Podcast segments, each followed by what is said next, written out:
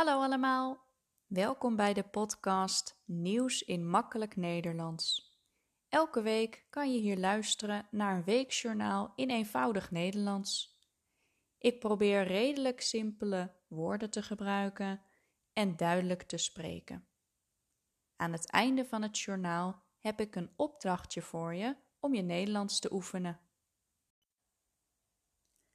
Dit is aflevering 29. Ik bespreek een aantal nieuwsberichten van week 13. De Russen bombarderen Odessa. Deze stad ligt in het zuiden van Oekraïne, dichtbij Moldavië en Roemenië. Het is een strategisch belangrijke stad aan de Zwarte Zee. De stad heeft ongeveer 1 miljoen inwoners. Waarschijnlijk is er een brandstofdepot geraakt. Volgens president Zelensky concentreren de Russen zich nu op het zuiden en oosten van het land. De Russische troepen trekken zich terug uit Kiev.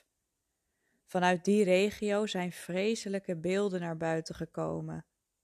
Mensen liggen dood op straat met een zak over hun hoofd. Ook zouden Russische soldaten huizen van mensen hebben geplunderd. Dat betekent dat ze de huizen binnen zijn gegaan en spullen hebben meegenomen. Zelensky heeft weer gevraagd om meer wapens uit het Westen, zoals anti-raketsystemen.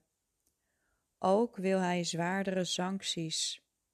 Hij is boos op de Hongaarse president Viktor Orbán die zegt Poetin te steunen. Ondertussen praten Rusland en Oekraïne nog steeds met elkaar over vrede. Rusland zou een paar voorstellen van Oekraïne geaccepteerd hebben. Maar de landen zijn het niet eens over de status van de Krim. Misschien gaan Zelensky en Poetin elkaar binnenkort ontmoeten. In Nederland hebben sommige gemeentes besloten om de Oekraïense vluchtelingen snel geld te geven.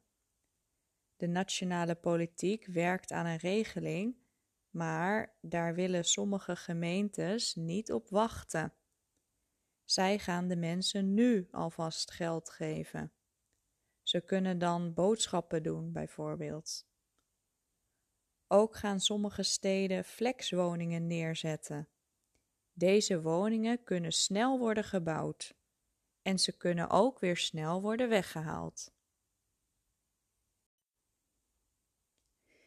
Sinds 1 april is brandstof iets goedkoper. De laatste weken stegen de prijzen voor benzine en diesel heel hard. Je betaalde soms wel 2,40 euro voor een liter benzine. De overheid heeft nu de accijnzen verlaagd.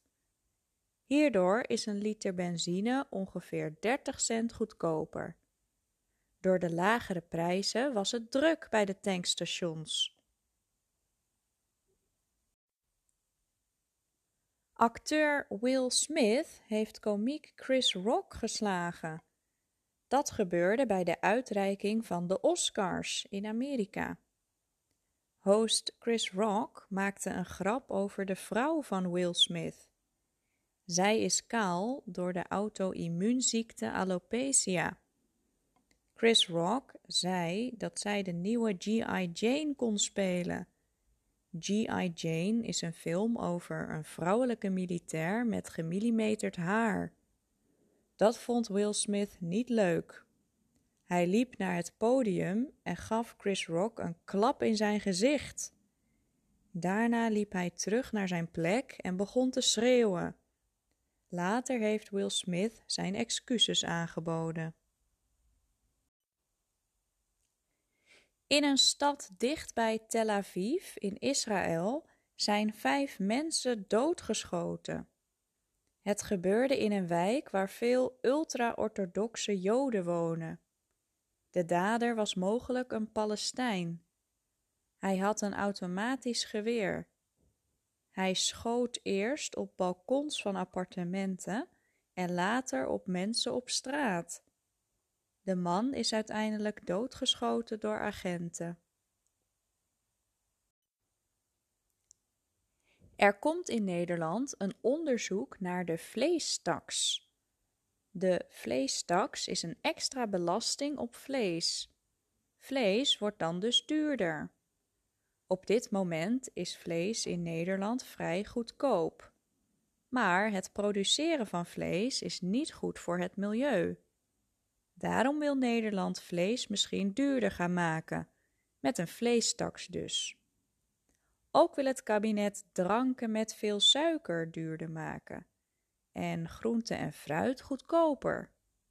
Bovendien wil het kabinet meer duurzaam en of biologisch voedsel in de supermarkt hebben. Consumenten worden zo gestimuleerd om gezondere en duurzamere producten te kopen. Ruim 40% van de werknemers wil vaker thuiswerken. Door de coronapandemie werkten veel mensen thuis en dat vonden velen erg prettig. Zij willen ook na corona vaker thuis blijven werken. Vooral mensen die met de trein naar hun werk moeten reizen, willen graag thuiswerken. Ongeveer een half miljoen werknemers wil helemaal niet meer naar het werk gaan. Anderhalf miljoen mensen willen maximaal twee dagen thuis blijven werken, als dat mag van de werkgever. De maand april begon met een laagje sneeuw. En dat gebeurt niet vaak in april. Vooral in het westen, midden en zuiden van het land kwam er sneeuw uit de lucht. Het was op sommige plekken glad op de weg. Er zijn wat ongelukken gebeurd en er stonden files. Sommige mensen dachten dat het een 1 april grap was, want 1 april is de dag van de grappen. Mensen proberen elkaar voor de gek te houden. Maar het bleek dus geen grap. Het was echt wit buiten. In Hartje Amsterdam is een busje met negen toeristen het water ingereden. De chauffeur probeerde het busje te parkeren, maar dat ging niet goed. Het busje viel in het water. Een passant sprong meteen het water in om de mensen te helpen. Ook twee bootjes hebben geholpen. Alle toeristen zijn gered. Ze kregen thee en een deken in een horecazaak. Twee mensen moesten naar het ziekenhuis. Een van hen had een pijnlijke pols en de ander had een snijwond. Het busje is totaal los. En dan nu het opdrachtje van deze week om je Nederlands te oefenen. 1 april is de dag van de grappen. Mensen en bedrijven houden elkaar voor de gek. Een paar jaar geleden meldde een Belgische krant bijvoorbeeld dat je ijssmaken kon proeven door op bepaalde plaatsen de krant te likken. En ik heb gehoord dat ze in Canada op 1 april tegen toeristen zeggen dat ze elk jaar Lake Louise leegpompen en dan de grond felblauw schilderen. En dat Lake Louise daarom zo mooi blauw is. Heb jij ook een goede 1 april grap gehoord? Of heb je zelf wel eens iemand voor de gek gehouden? Schrijf het op. In het Nederlands natuurlijk. Let goed op het imperfectum, verleden tijd, of het perfectum, voltooide tijd. Dat was het voor deze week. Wil je de tekst ontvangen van deze aflevering? Stuur dan een mailtje naar nieuwsinmakkelijknederlands.hotmail.com Bedankt voor het luisteren en tot volgende week.